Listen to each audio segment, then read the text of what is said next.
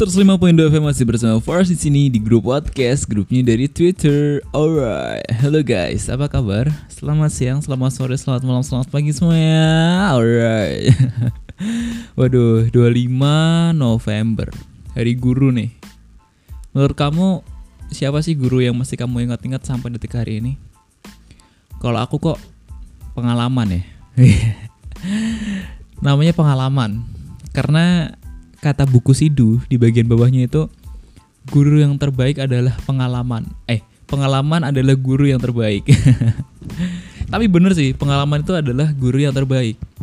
Karena kita jadi tahu harus gimana dan salahnya kayak gitu gitu loh. Jadi kita harus bisa koreksi diri dan biar nggak kayak gitu lagi. Waduh, ngomong apa sih aku nih?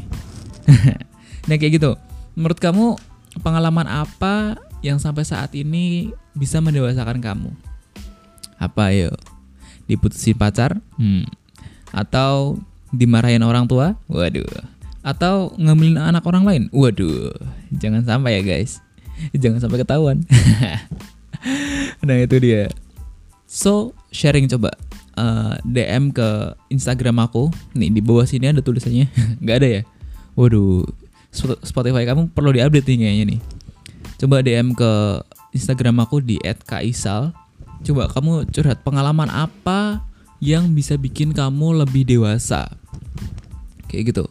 Nah, dari pengalaman tersebut kamu bisa nih membedah dari situ kamu bisa mengkoreksi diri dan kamu bisa tahu apa yang harus kamu lakukan biar nggak kayak gitu lagi. Nah, itu harus kamu inget-inget terus ya biar nggak lupa.